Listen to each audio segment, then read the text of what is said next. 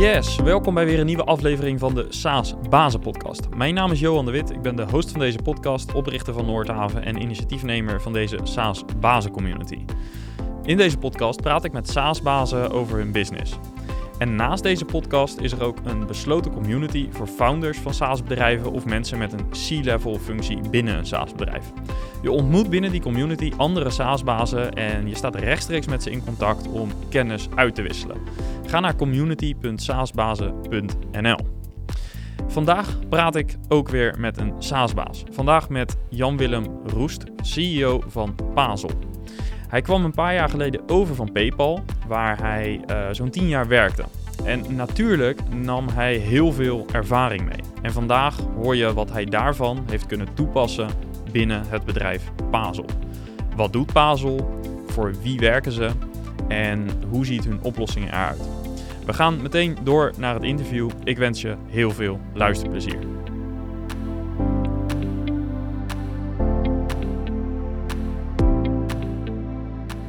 Goed, Jan-Willem, uh, van harte welkom in de SaaS Bazen podcast. Dankjewel, een eer. Ja, uh, leuk dat je er bent. Uh, ik heb het een tijdje geprobeerd om uh, je in de podcast te krijgen, maar het was, ja, je hebt een volle agenda. Dat is natuurlijk ook niet zo gek met alle ontwikkelingen binnen e-commerce op dit moment. maar blij dat je er bent. Um, laten we beginnen met een korte introductie van jou als persoon. Ja. Um, ik heb uh, natuurlijk uh, een beetje uh, verdiept in jouw achtergrond. je komt van PayPal, daarvoor ook wat bedrijven of bij wat techbedrijven gewerkt. kun jij kort vertellen hoe je bij uiteindelijk Pazel, waar je nu ja. CEO bent, terecht bent gekomen? Wat is de route daar naartoe geweest? Wel, de, de ja, de route naartoe. ja, Jan-Willem Roest, 45 jaar inmiddels al, getrouwd twee kinderen. woonachtig in Haarlem. en dat is het privé stuk. Uh, na uh, opleiding commerciële economie uh, ben ik met twee vriendjes een internetbedrijfje begonnen. En dat was hartstikke leuk en dan verkochten we websites en die bouwden we eigenlijk allemaal. En die hebben uiteindelijk, kwam die dotcom crisis eraan, dat zagen we eigenlijk al een beetje aankomen. En ik wilde altijd nog een keer een groot bedrijf gaan werken. Toen ben ik naar IBM gegaan. Dus de portfolio verkocht aan klanten en overgedragen. En toen ben ik naar IBM gegaan, waar ik een internationaal sales leadership heb gedaan. En IBM, waarom wil ik naar IBM? Dat stond heel erg bekend als, uh, als de beste leerschool voor, voor sales. En, uh, dus daar heb ik een internationaal sales traineeship gedaan met allemaal buitenlandse uh, studenten. Wat super interessant en leuk was. Enorm veel geleerd. En toen na twee jaar weet ik nog dat ik s'nachts door mijn vader, en dat was nog een sms'je in die tijd. Ik kreeg een sms'je van gefeliciteerd, je bent verkocht. En ik werkte op de Personal Computing Division. We verkochten ThinkPadjes en, en servers en schermpjes en noem maar op. En we werden verkocht naar Lenovo. Dat is nu wereldwijd denk ik het grootste PC-fabrikant ter wereld. En uh, ik zat nog in de traineeship en ik had een keuze van wat ik mocht doen. Ik mocht op bij IBM blijven of kom naar Lenovo. En ik heb ervoor gekozen om uh, toen mee te gaan naar Lenovo. Leek een mooi avontuur. Dus na twee jaar voor Amerikanen gewerkt hebben, ben ik voor Chinezen gaan werken. Twee enorme cultuurverschillen, maar super leerzaam. En na vier jaar kwam daar eigenlijk de klad in de markt en was er een, een reorganisatie. Waar ik toen heb gezegd van nou jongens, zet mij maar bovenaan. Want ik geloof wel dat mijn tijd in PC is geweest. Ik moet richting e-com. Uh, vanuit daaruit uh, heb ik zes maanden tijd genomen om er eens over na te denken. En PayPal en eBay en Marktplaats stonden eigenlijk altijd bovenaan mijn, uh, mijn lijstje.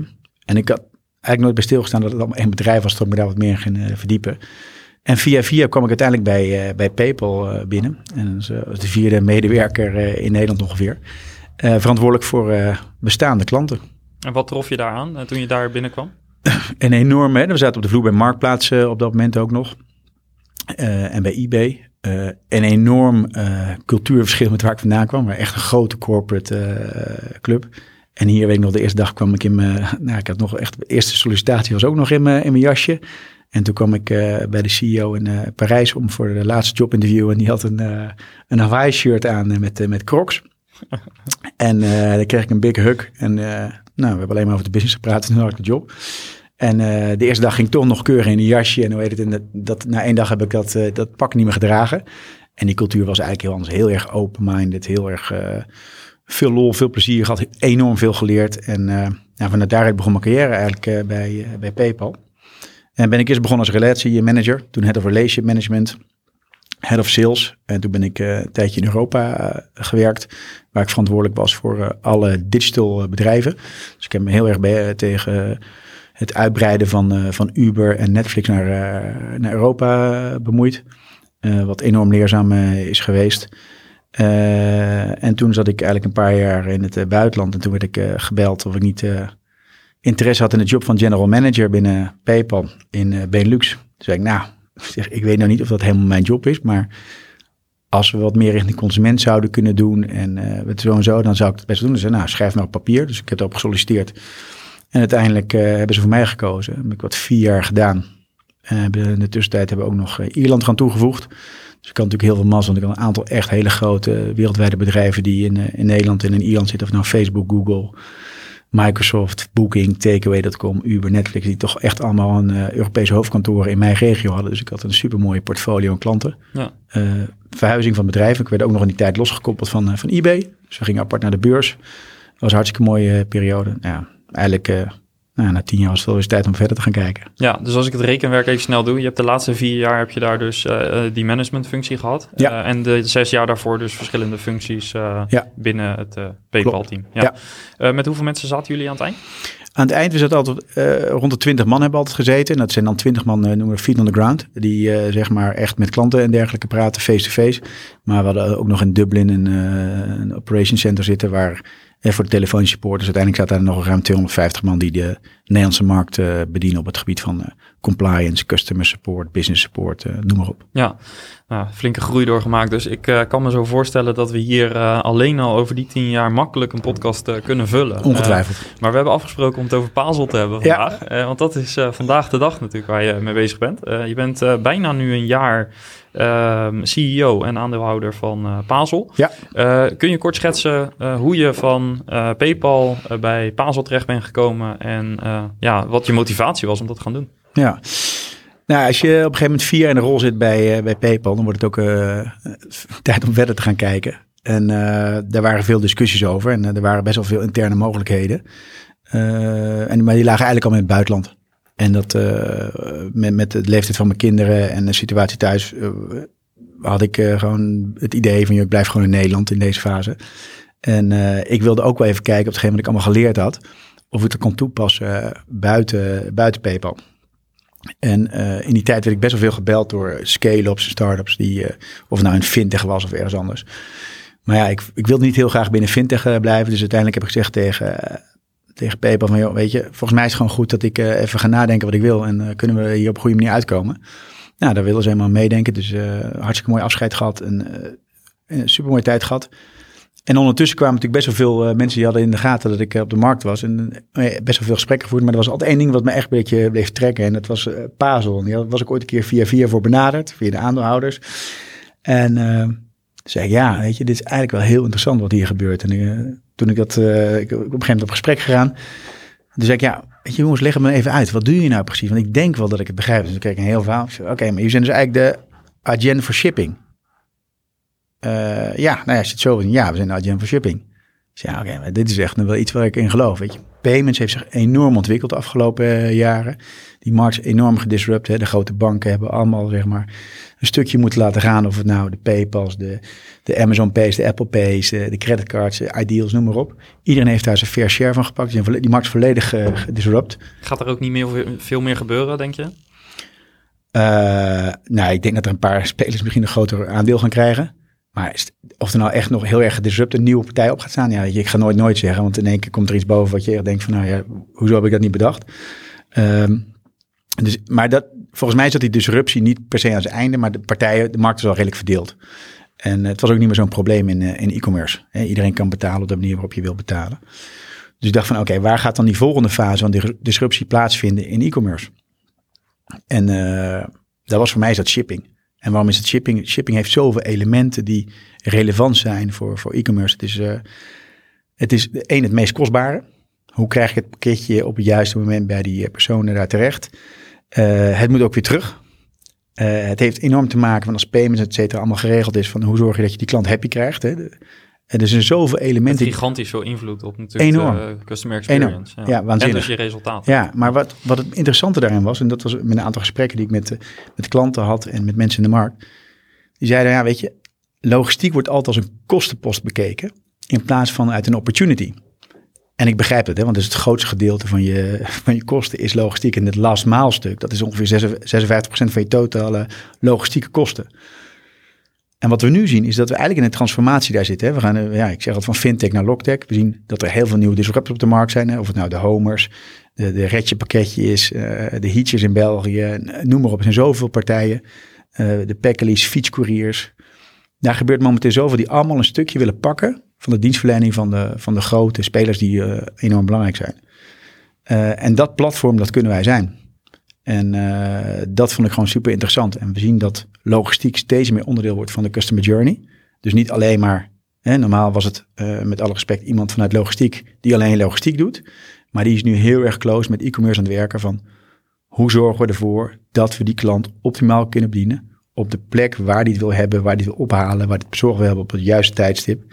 Uh, en dat, dat, dat smelt nu helemaal samen. Waarmee je dus ook verkoopkansen natuurlijk toen uh, laat nemen. Waanzinnig, ja. ja. En je wil uiteindelijk gewoon tevreden klanten hebben, want die komen terug. En er is een enorm, nou, slagveld is een groot woord, maar de, de, competitie is heavy, weet je. Of nou uh, Alibaba is of Amazon of Marktplaats of Bol. En in Nederland hebben we denk ik niet zo heel veel problemen met levering, hè, want het landje is vrij klein. Maar als jij wereldwijd wil gaan bezorgen dan moet je rekening houden met het feit dat er verschillende bezorgopties zijn in verschillende landen.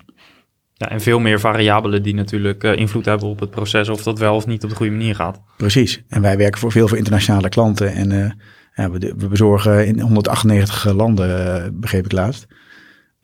maar die, iets in Japan werkt anders dan dat het in Nederland werkt. En als je als bedrijf naar het buitenland wil, moet je daarover nadenken. En dus we zijn een hele goede partner voor, voor internationale bedrijven die uh, een cross-border uh, opportunity zien en in andere landen willen gaan. En ja, dan kan je het niet alleen meer bijvoorbeeld met PostNL aan. PostNL kan het misschien wel krijgen, maar dat last mile is gewoon extreem belangrijk.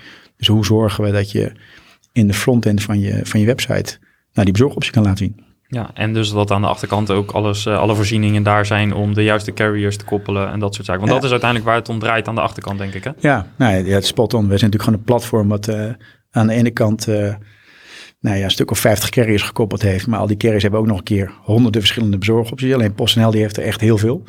Uh, dus hoe zorg je ervoor dat je die aan de andere kant eenvoudig gekoppeld hebt? Nou, als je het zelf, dat kan je ook zelf doen, maar dat kost je enorm veel tijd aan development, moet je onderhouden, noem maar op. En je ja. hebt daar ook marktkennis voor nodig, lokale marktkennis Precies. Nou, je bij ons, hè, dus waar plug je de stekker erin. En we hebben daar een, uh, onder andere een Magento extensie voor en een uh, Salesforce Commerce Cloud, de enige gecertificeerde Salesforce Commerce Cloud extensie. die plug je in je systeem. Waardoor je toegang krijgt tot al die uh, bezorgopties en carriers. Je hangt je eigen contract erin, want we werken met name op de enterprise market. Dus de wat grotere klanten. Die hebben vaak hun eigen contracten wereldwijd met grote Met de vervoerders, ja. Precies. Ja. En die hangen dat zelf erin. Dus wij zijn geen broker, wij gaan niet onderhandelen voor klanten. We zeggen, joh, je mag het zelf onderhandelen, veel plezier. En ga maar met die matrix spelen. Zorg maar gewoon van, joh, is, wil je CMD delivery, wil je next delivery?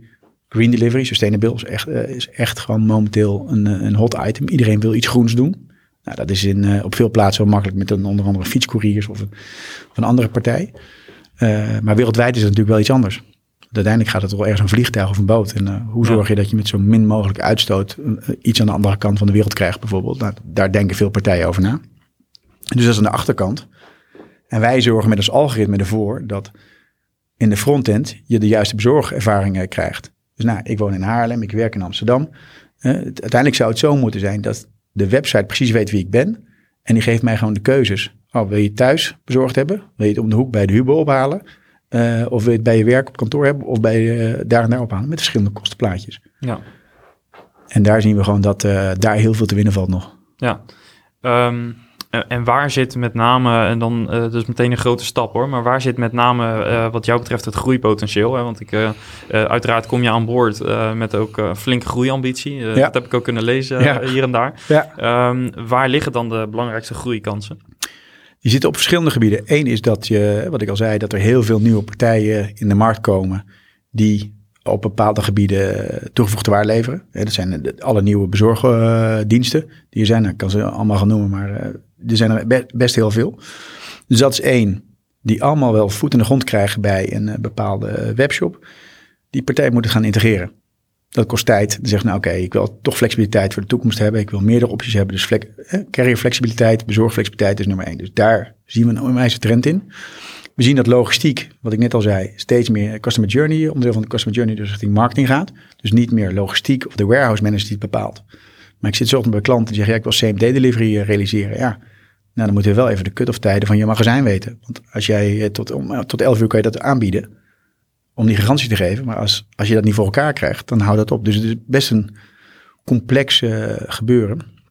Maar waar we heel veel uh, opportunities zien, is één, en is direct to consumer. Veel brands die nu zeggen van, joh, ik ben heel veel marketing aan het doen en ik gooi allebei mijn retailers neer. Maar ik wil eigenlijk wel die relatie rechtstreeks met mijn klanten bouwen. Dus ik ga nu een e-commerce channel opzetten, rechtstreeks.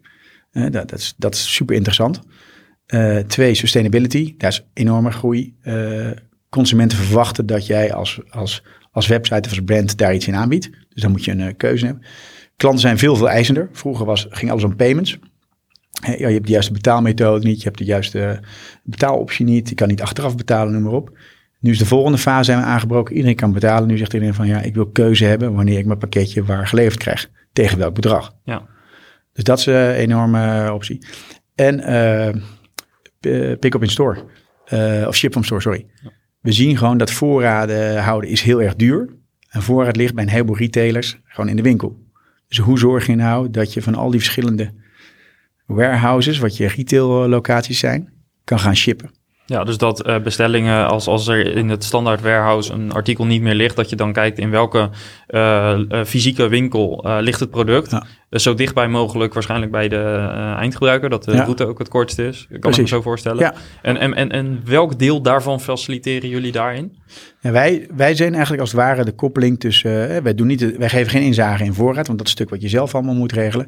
Maar wij zorgen wel dat je al die verschillende voorraden kan koppelen in een uh, frontend. Dus wij zeggen, oké, okay, uh, we, doen, we doen dat nu met bijvoorbeeld Vitamin Store, die gaat daar binnenkort mee live. Uh, maar Rituals is er ook mee bezig. Hoe zorg je gewoon dat je vanuit die winkel iets geleverd kan krijgen? Nou, welke partijen doen dat? Heb je met postcodegebieden te maken? Wij doen het hele algoritme, dat je kan aangeven van, oké, okay, dit is Jan Willem, nogmaals in Haarlem, daar zit de winkel, dit is de kortste weg, dat kan met fietscouriers, kost zoveel. Ja. En wij, dat hele algoritme hebben wij gebouwd, waardoor het zo uitgerekend wordt en die optie ook in de frontend terechtkomt. Ja. Um, weer een klein uitstapje, maar dan als we het hebben over het uh, vermarkten van het product. Hè, dus stel ja. er is interesse. Uh, met, met wie praten jullie? Wat voor personen praten jullie om in zo'n sales traject dan met name? Want dat verandert, neem ik aan ook. Ja, dat, hele, en dat is denk ik wel uh, waar ik. wat, wat denk ik het meest complex is, omdat je met meerdere onderdelen praat. Dus je praat, wij proberen heel veel via e-com binnen te komen. Die echt zien van, joh, we, oh, die, die bezorgervaring is extreem belangrijk. Aan de andere kant is een logistiek manager, uh, eh, IT-manager die development resource heeft om bepaalde dingen te koppelen. Die zijn belangrijk. Maar uiteindelijk probeer je, moet je wel op C-level binnenkomen, want daar wordt die beslissingen uh, genomen. Dus oké, waar willen we investeren? Waarom willen we daarin investeren? Waar willen we als bedrijf naartoe? En hoe past de oplossing van Pazel daarin? Want ziet het er ook vaak zo uit dat jullie echt top-down verkopen? Of is het ook nog wel zo dat je inderdaad wat lager in de organisatie inkomt en dan een bij je in probeert te realiseren het, tijdens het salesproces? Nou, het is, uh, het is beide kanten op. En uh, gelukkig heb ik een, nog een redelijk goed netwerk uit uh, mijn PayPal-tijd, wat ik hier uh, kan aanspreken. ik denk dat Pazo redelijk goed bekend staat in de markt. We hebben denk ik 150 klanten, waarvan er echt een heleboel grote brands bij zitten. Waardoor we ook wel echt heel veel proof of concept hebben, waardoor we veel binnen, bij klanten binnenkomen.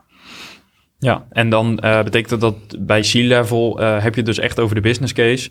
Uh, en daar moet je erbij in hebben het, het, commitment. En dan vervolgens moeten jullie wel met verschillende afdelingen gaan schakelen om ervoor te zorgen dat zij allemaal aligned zijn. Ja, ja precies. Ja. En wat denk ik het interessant is eigenlijk, en dat is als je dan samenvat, wat, we doen twee dingen. Aan de ene kant besparen we heel veel. Doordat we aan de achterkant hoef je niks meer te koppelen zelf. Je hebt er geen development resource. Dus in de frontend of in de backend geven je de mogelijkheid om het allemaal te koppelen. Op basis daarvan kan je ook nog een keer vaak hebben mensen hebben een single courier uh, um, strategie. En dat zijn ze nu allemaal aan wijzigen. Zeker corona heeft ertoe geleid van oké, capaciteit zit vol. Ik moet ook even andere opties hebben. Oké, kan ik mijn volume gaan spreiden over meerdere partijen? Wat doet dat met de prijs? Uh, zijn er interessante bezorgopties waardoor mijn klant eerder gaat komen? Nou, dat is het bespaarstuk. Aan de voorkant zorgen we ervoor dat je real-time delivery kan uh, gaan uh, leveren. En updates. En joh, ik wil werken bijvoorbeeld voor Griets ook een partij die zegt, ja weet je, het is wel leuk, we maken een verjaarscadeaus, maar het moet wel op de verjaardag dan van die persoon geleverd worden. Hoe kunnen jullie dat garanderen? Nou, dat kunnen we helemaal configureren. En dan weet je ook dat je een tevreden klant krijgt. Dus de klant zegt, oké, ik heb iets besteld, wordt op tijd bezorgd. Dat is fijn. Die vertelt tegen iemand anders, komt een nieuwe klant. Conversie is daar best moeilijk op te meten. Je kan het wel op, op niveau van bezorgoptie uh, meten. Maar hoeveel het bijdraagt in de conversie, maar het is gewoon engagement. Zorgen dat je een tevreden klant hebt. Dan hoeft hij niet naar een andere partij. Nee. Um, wat is jullie uh, sales pitch als je bij zo'n uh, uh, grote enterprise komt die inderdaad nu te, nog te, een te fragiel logistiek systeem heeft, zeg maar? Ja. Um, wat, wat, wat, wat zijn de eerste dingen die jullie noemen die direct herkend worden? nou, dat, is, dat hangt heel erg van de, van de klant af. Wat we nu zien is carrier flexibiliteit, hè? bezorgflexibiliteit. Die is echt gewoon uh, extreem belangrijk, uh, zeker in deze fase, de, de coronafase. Zeker nu, ja. Precies. Het is ongelooflijk hoeveel klanten bij ons zijn terechtgekomen. Oké, ik loop vast met één uh, carrier. Ik kom mijn bezorgbelofte naar mijn klanten niet aan. Ik wil mijn klanten wel binnenhouden. Hoe, hoe gaan we dat doen? Ik wil nu heel snel iets koppelen. Dan zeggen ja, dat kan je nu rechtstreeks koppelen, rechtstreeks met de carriers. Geen enkel probleem. Maar veel partijen zeggen, oh nee, ik kan beter met jou koppelen. Want als ik dan in de toekomst nog iets anders wil, dan zit het erin. Altijd die flexibiliteit. Ja. ja. Dus die carrier flexibiliteit is nu heel erg belangrijk. Uh, en dat is de vraag die ICOM dan neerlegt bij logistiek. En logistiek gaat op zoek naar de oplossing samen met IT. En IT wil het vaak zelf klussen. En uh, weten ze, ja, maar ik heb goed contact met deze carrier, waarom zou ik dat doen? En, uh, dus dat moet heel goed samenkomen. Maar en als je dan de frontend kan laten zien hoe die experience eruit ziet. En dat je het, je winkels kan koppelen als bezorglocatie, als pick-up locatie. Waardoor je echt die omnichannel ervaringen kan realiseren. Dat, dat, is natuurlijk extreem belangrijk. Uh, ja, zie, over het algemeen krijgen we een hele goede tractie op. Ja. Um, ik vind het leuk om nog even over jou, uh, jouw eigen rol te hebben. Um, we, gaan, we hebben best een deep dive gemaakt in het uh, proces van nou, waarom zou je Pazel, Pazel ja. kiezen. Um, je bent dus nu bijna een jaar in dienst ja. of, of werkzaam binnen Pazel als CEO. Wat is je um, belangrijkste inzicht die, wat je hebt mee kunnen nemen, wat je hebt kunnen implementeren uit je eerdere tijd bij PayPal, wat, je, wat, wat hier heel erg makkelijk toepasbaar was? Of, of heel belangrijk was? Uh, nou, ik denk één ding is dat we de organisatie zo scherp goed hebben neergezet. Dat mensen nu allemaal weten wat er van hun verwacht wordt. En dat is denk ik heel erg belangrijk. Want als mensen weten wat ze van ze verwacht wordt, dan kunnen ze ook verantwoordelijkheid in nemen. En binnen PayPal was dat echt uh, gewoon, ja, eigenlijk met alle respect, op, het laatste kon PayPal prima zonder mij draaien. Omdat iedereen wist waar ze aan toe waren, wat waren de KPI's, uh, hoe zorg je ervoor dat je je business binnenhaalt? En het gaat om output.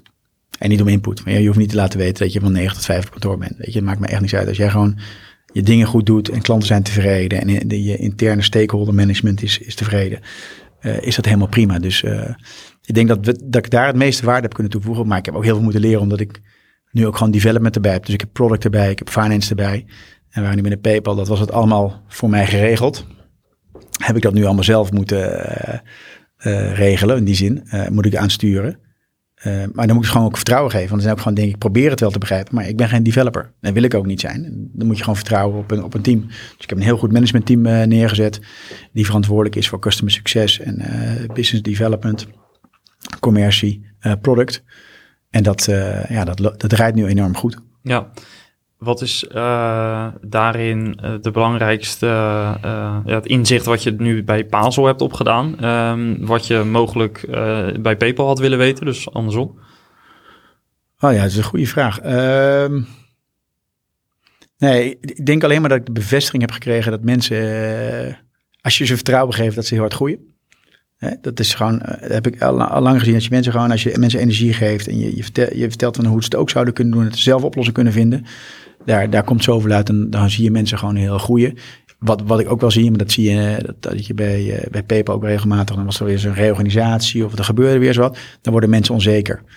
Uh, en zeker in een tijd van, waar we nu in zitten in corona, waarin de anderhalve meter nog is en mensen bij voorkeur niet op kantoor komen of thuiswerken, is, ik ben een echte people manager, ik probeer wel echt te connecten met mijn team is dat best lastig. Dus je moet inderdaad die telefoon oppakken en mensen zijn klaar met dat schermpje. Dus ik probeer heel veel te lunchen, één op één in de stad nu dat weer kan.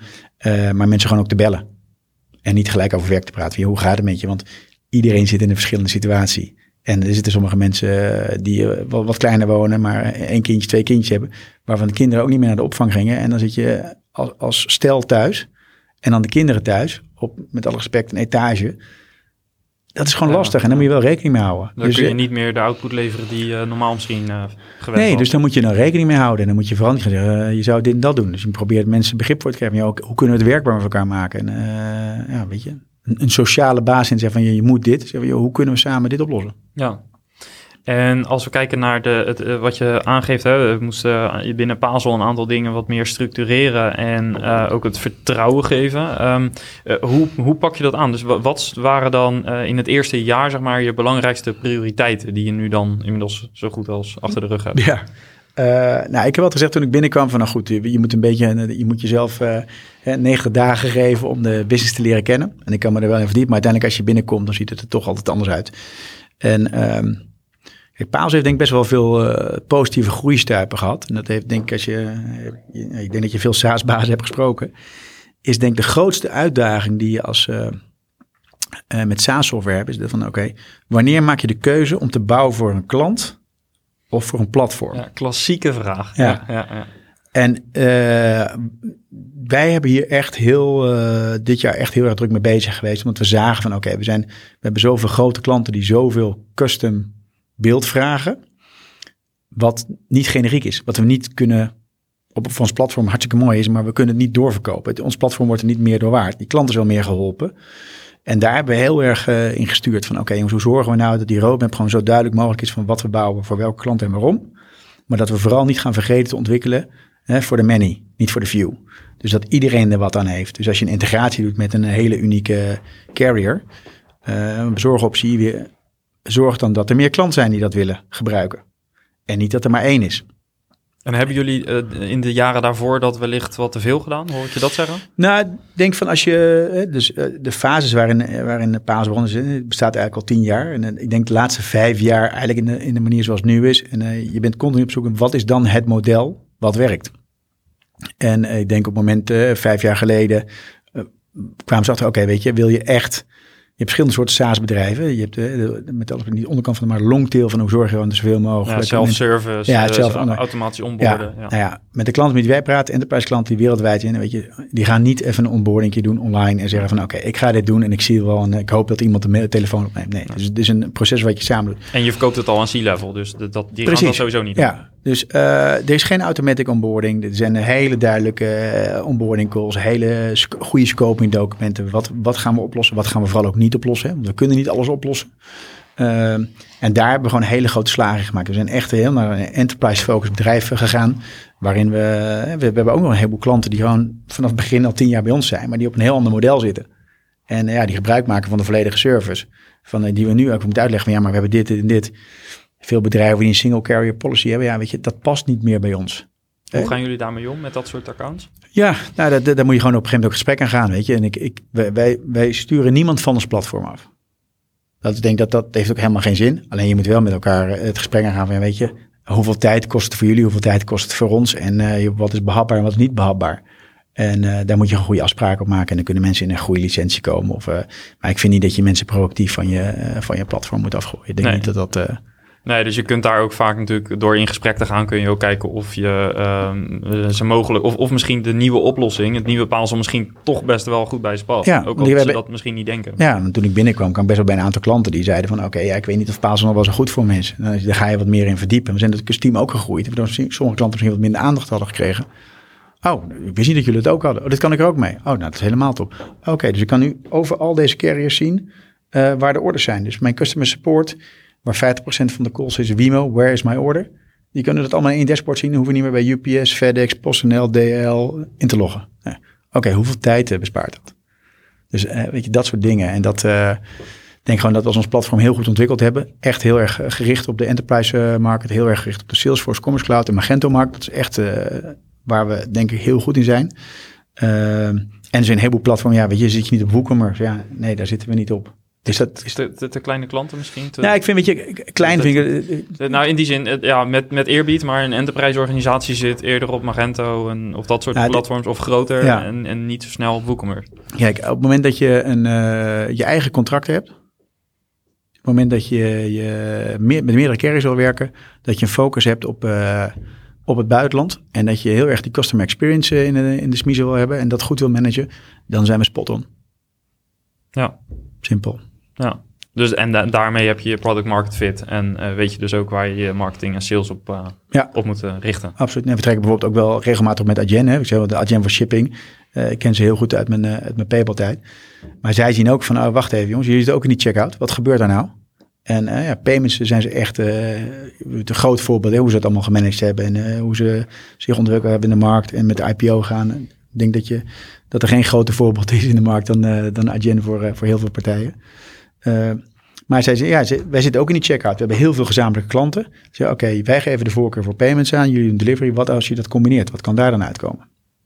He, dus uh, ik denk uiteindelijk waar we naartoe gaan is dat, uh, ja, dat je gewoon op het moment dat je een website weet, dat die website op je website komt, die website weet, oh wacht even, je wil met deze, dit is je voorkeursbetaalmethode, dit is je voorkeurbezorgmethode. En dat hij het allemaal gaat preloaden. Ja. En dat het helemaal naar de achterkant verschuift. Payments zijn naar de achterkant. Je ziet het al bijna niet meer. Dus personalisatie in payments en shipping. Personalisatie van de checkout. Ja, ja. interessante ontwikkeling. Dat was een van de vragen die ik nog voor je had, maar die heb je dan bij deze al beantwoord. Dus je bent me voor. Um, uh, even een heel praktische vraag. Uh, je hebt al genoemd, je bent zelf ook verantwoordelijk voor uh, ontwikkeling. Um, waar ontwikkelen jullie? Is dat allemaal in Nederland? Of hebben jullie in het buitenland ontwikkelaars? Nee, we hebben, dat is gedeeltelijk. We hebben een uh, groot gedeelte altijd ook in, uh, in het buitenland. Op een gegeven moment was het, heel moeilijk om developers te vinden in Nederland. En de concurrentie is zo groot. En ik denk dat die markt nu wel iets aan het veranderen is. maar we hebben zeker gebruik gemaakt van, van bedrijven in, in onder Kiev. maar mijn voorkeur heeft wel gewoon om het team lokaal te hebben. Echt het, de tech is gewoon, dat is de basis van het bedrijf. En daar moet je gewoon een heel goed gevoel mee hebben.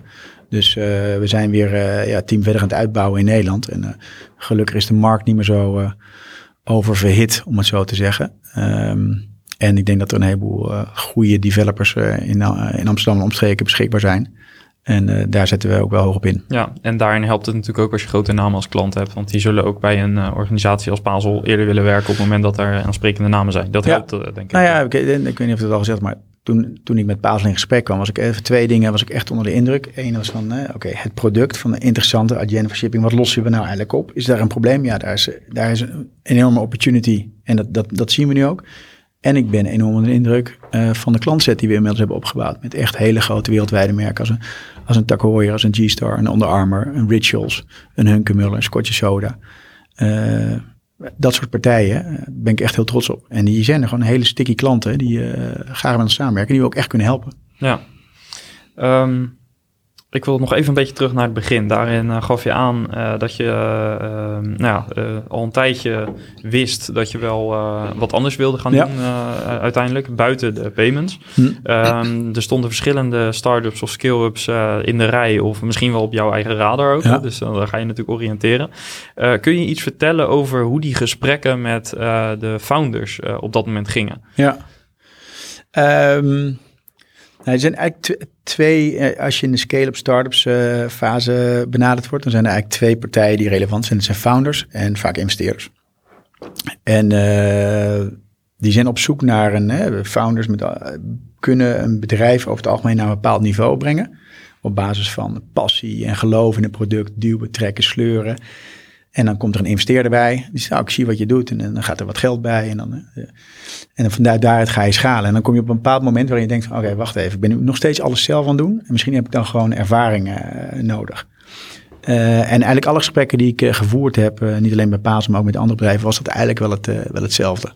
En van oké, we moeten het op een gegeven moment naar een naar een volgende fase krijgen. Dus het was heel erg entrepreneurial. Uh, ja. En daar, je wil uiteindelijk dan die proces. Dus dat kom je ook een beetje terug bij wat je zei, meer processen uh, en wat meer naar de organisatie kijken. Ja, ja. ja precies. Van hoe haal je nou het maximale uit mensen? Hoe zet je een organisatie neer?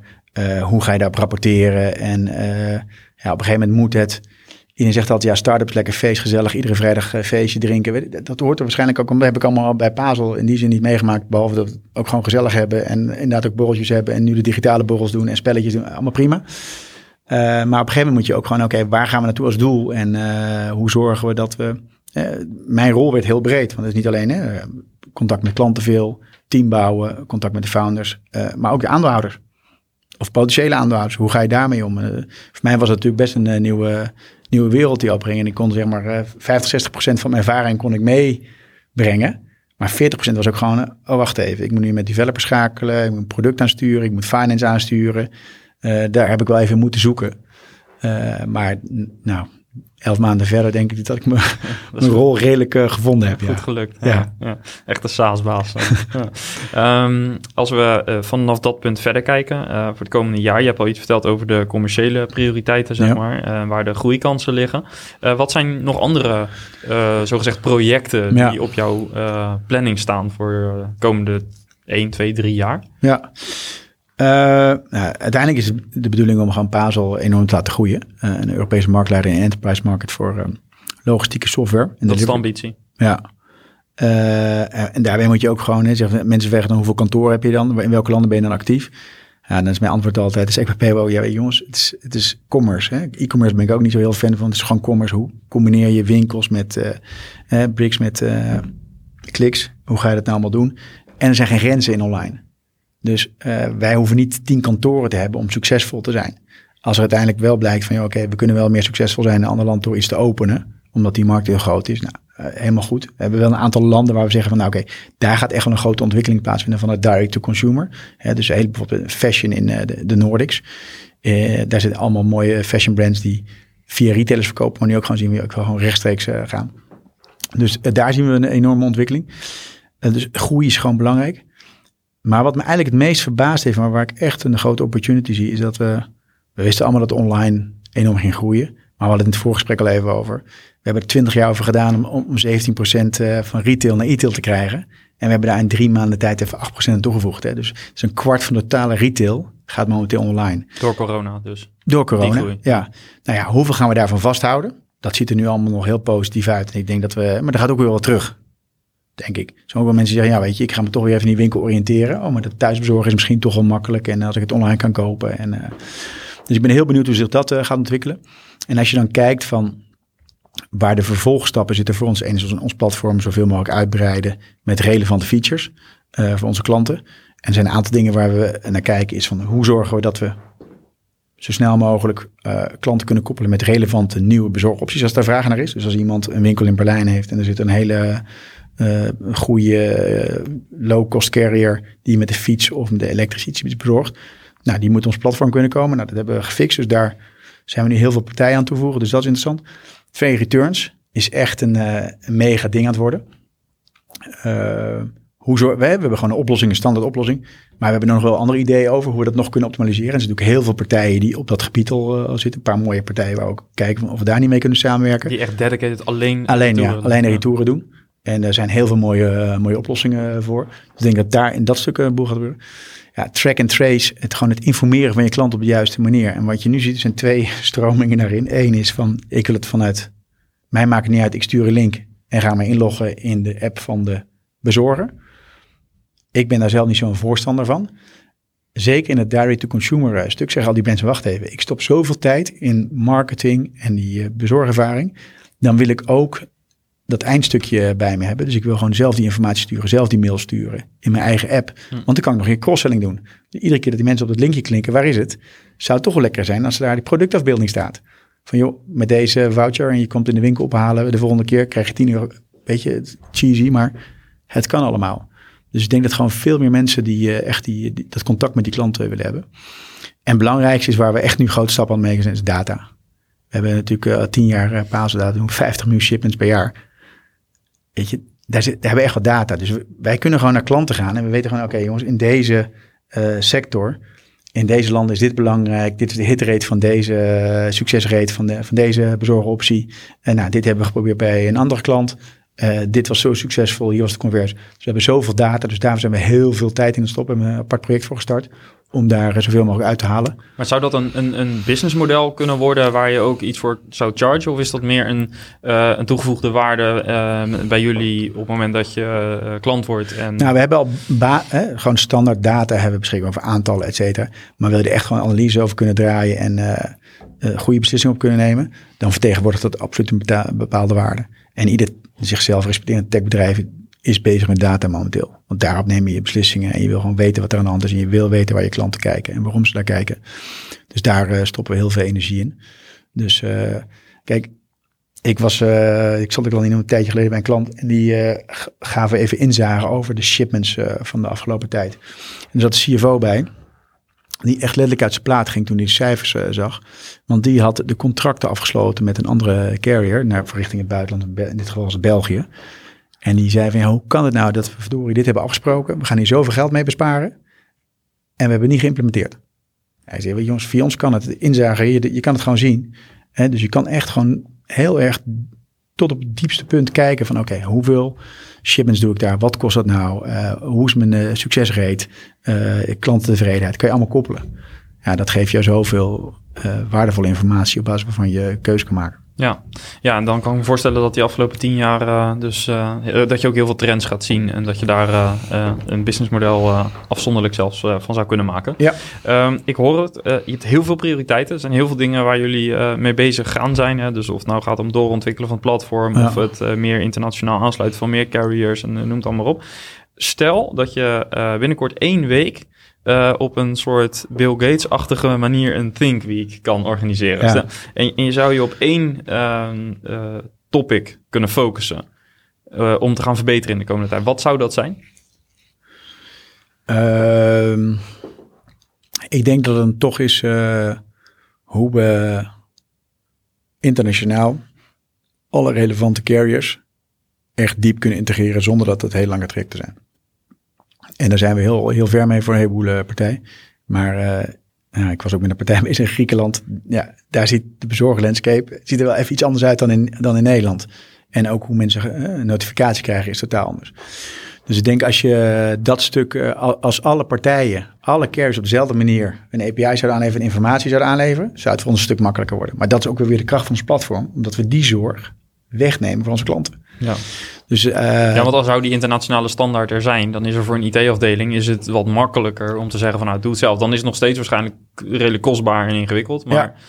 Nou ja, dat zou dan misschien het risico zijn. Aan de andere kant, als je één platform waar je al je data uit kan halen en over al die carries je, je performance kan vergelijken en je resultaten.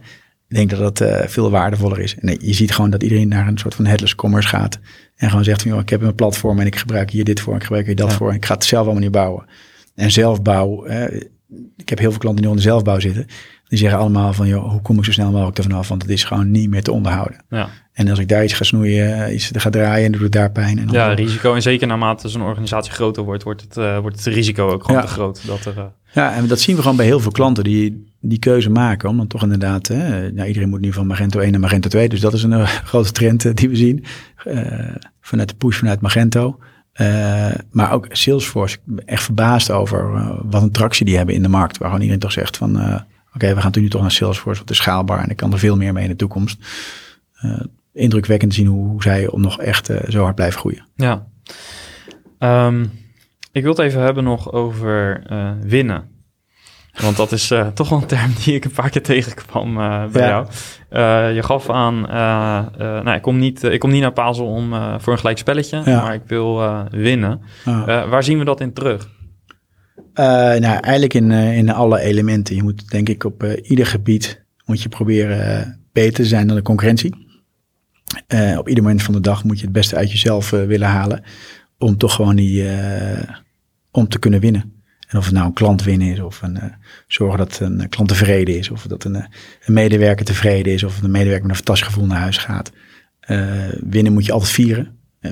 Dat is echt gauw regel bij mij van jongens, maakt niet uit wat het is. Stuur die mail. We zijn allemaal een beetje, zeker nu, sturen we geen mails meer met van kijk wat fantastisch we gedaan hebben. Weet je? En vroeger was het dan champagne op gong slaan. En ik ben heel erg van vieren van, van successen omdat je daarmee mensen mee, uh, mee stimuleert. En ik heb al zelf altijd uh, geprobeerd op een beetje een, hoog niveau te sporten. En daar is winnen gewoon belangrijk. Weet je. Ik, ik, ga niet op zondag het potje hockey om, om te verliezen.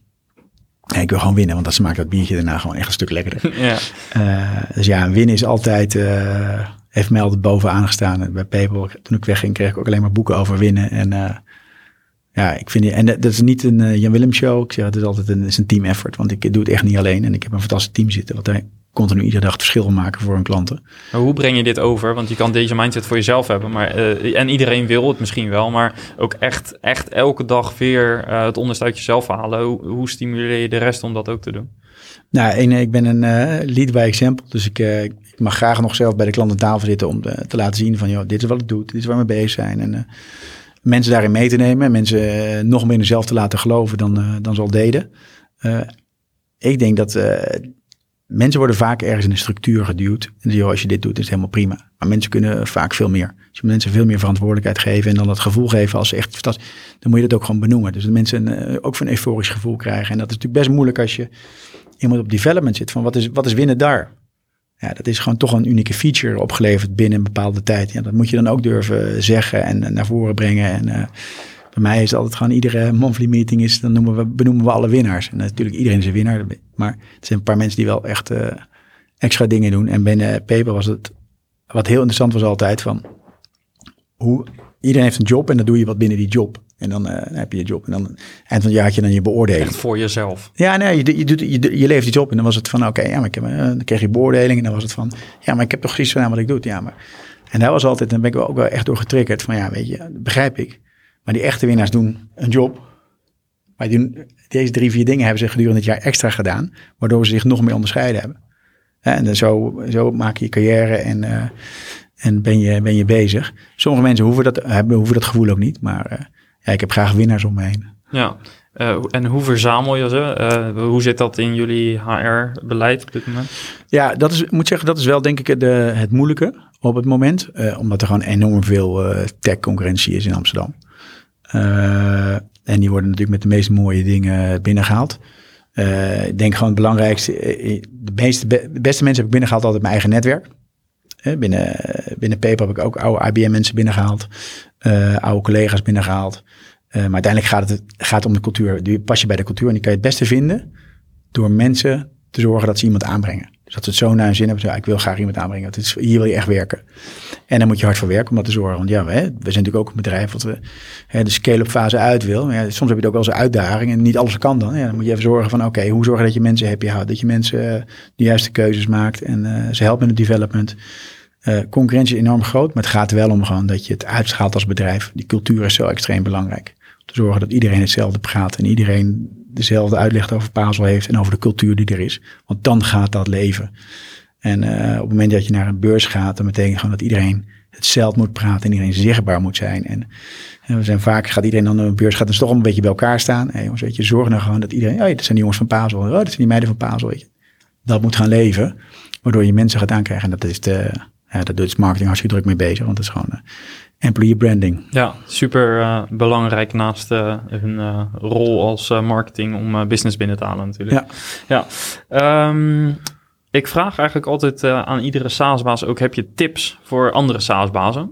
Dat is natuurlijk een vrij brede vraag, want je kunt die op heel verschillende manieren inschieten. Maar ja. um, wat zit er, ik heb hem ook gevraagd volgens mij aan, in de voorbespreking. wat zou jouw beste tip zijn? Ja, ik denk dat de beste tip is dat je, en dat hangt heel erg af van het product, maar als je gewoon aan de enterprise markt zit, durf ook gewoon nee te zeggen tegen de klant. Maar wel met goed uitleggen waarom. En uh, ik, heb, ik heb, mensen zijn altijd bang om nee te zeggen, maar ik vind nee eigenlijk nou ja het beste antwoord, want dan kan je uitleggen waarom. En uh, de, dat heeft, denk ik, ons bij Pazel heel veel geholpen, maar in mijn verleden ook altijd van, sorry, ik zou je heel erg willen helpen, maar dat, dat gaat niet lukken om deze, deze reden. Maar heb je hier wel eens over nagedacht? Want waarom wil je nou bijvoorbeeld die unieke bezorgeroptie die helemaal niemand bij ons wil hebben, die wij best willen integreren, maar dat kost ons heel veel tijd en dan tegen de kosten van andere dingen op de roadmap.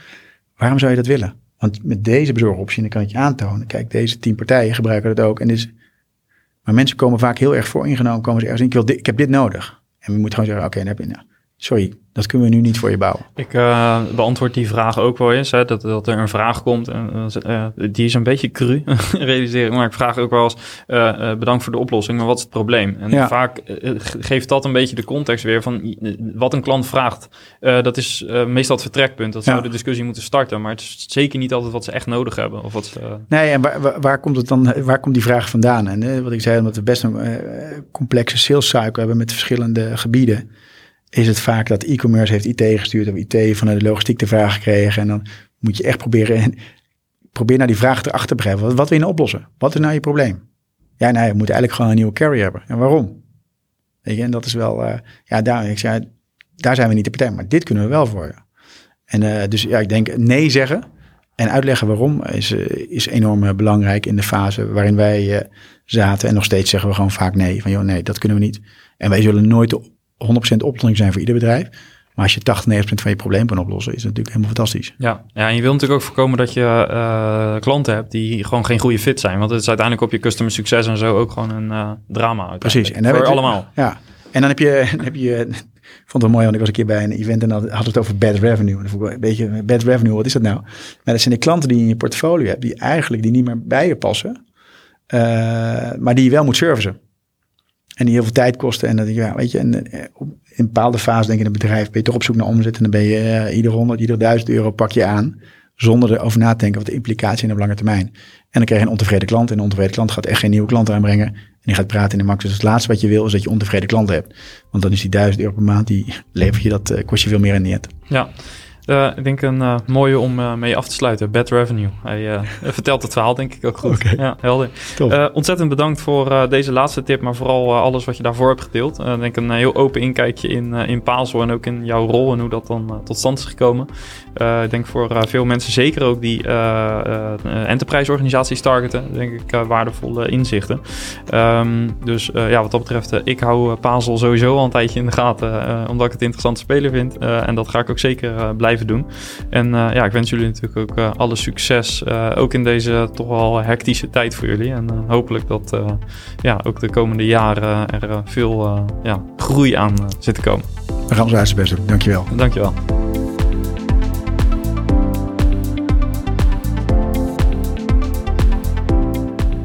Yes, en dat was dus mijn gesprek met Jan Willem van Pazel. Interessant dat uh, veel SaaS-bazen aangeven hoe belangrijk nee zeggen is. Ook Jan Willem geeft dat weer aan.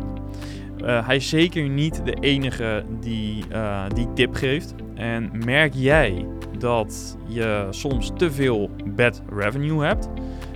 haal je soms de verkeerde klanten binnen? Klanten waarvan je verderop vaak denkt: hm, dit was niet zo'n geweldige fit. Luister dan ook eens naar aflevering 6, 7 en 12, waarin het ook gaat over dat thema. Nou, en ben je zelf SaaS-baas en wil je met andere SaaS-bazen sparren over jouw bedrijf? Dat kan in de community. Meld je aan voor de community op community.saasbazen.nl. Wil je liever één op één met mij nadenken over jouw SaaS-business? Voeg me dan even toe op LinkedIn en stuur me daar een berichtje. En tot slot, was deze aflevering interessant voor je? Laat een review achter of deel hem met een SaaS-baas uit jouw netwerk. Ontzettend bedankt voor het luisteren weer. Ik uh, zie je graag snel. Bye bye.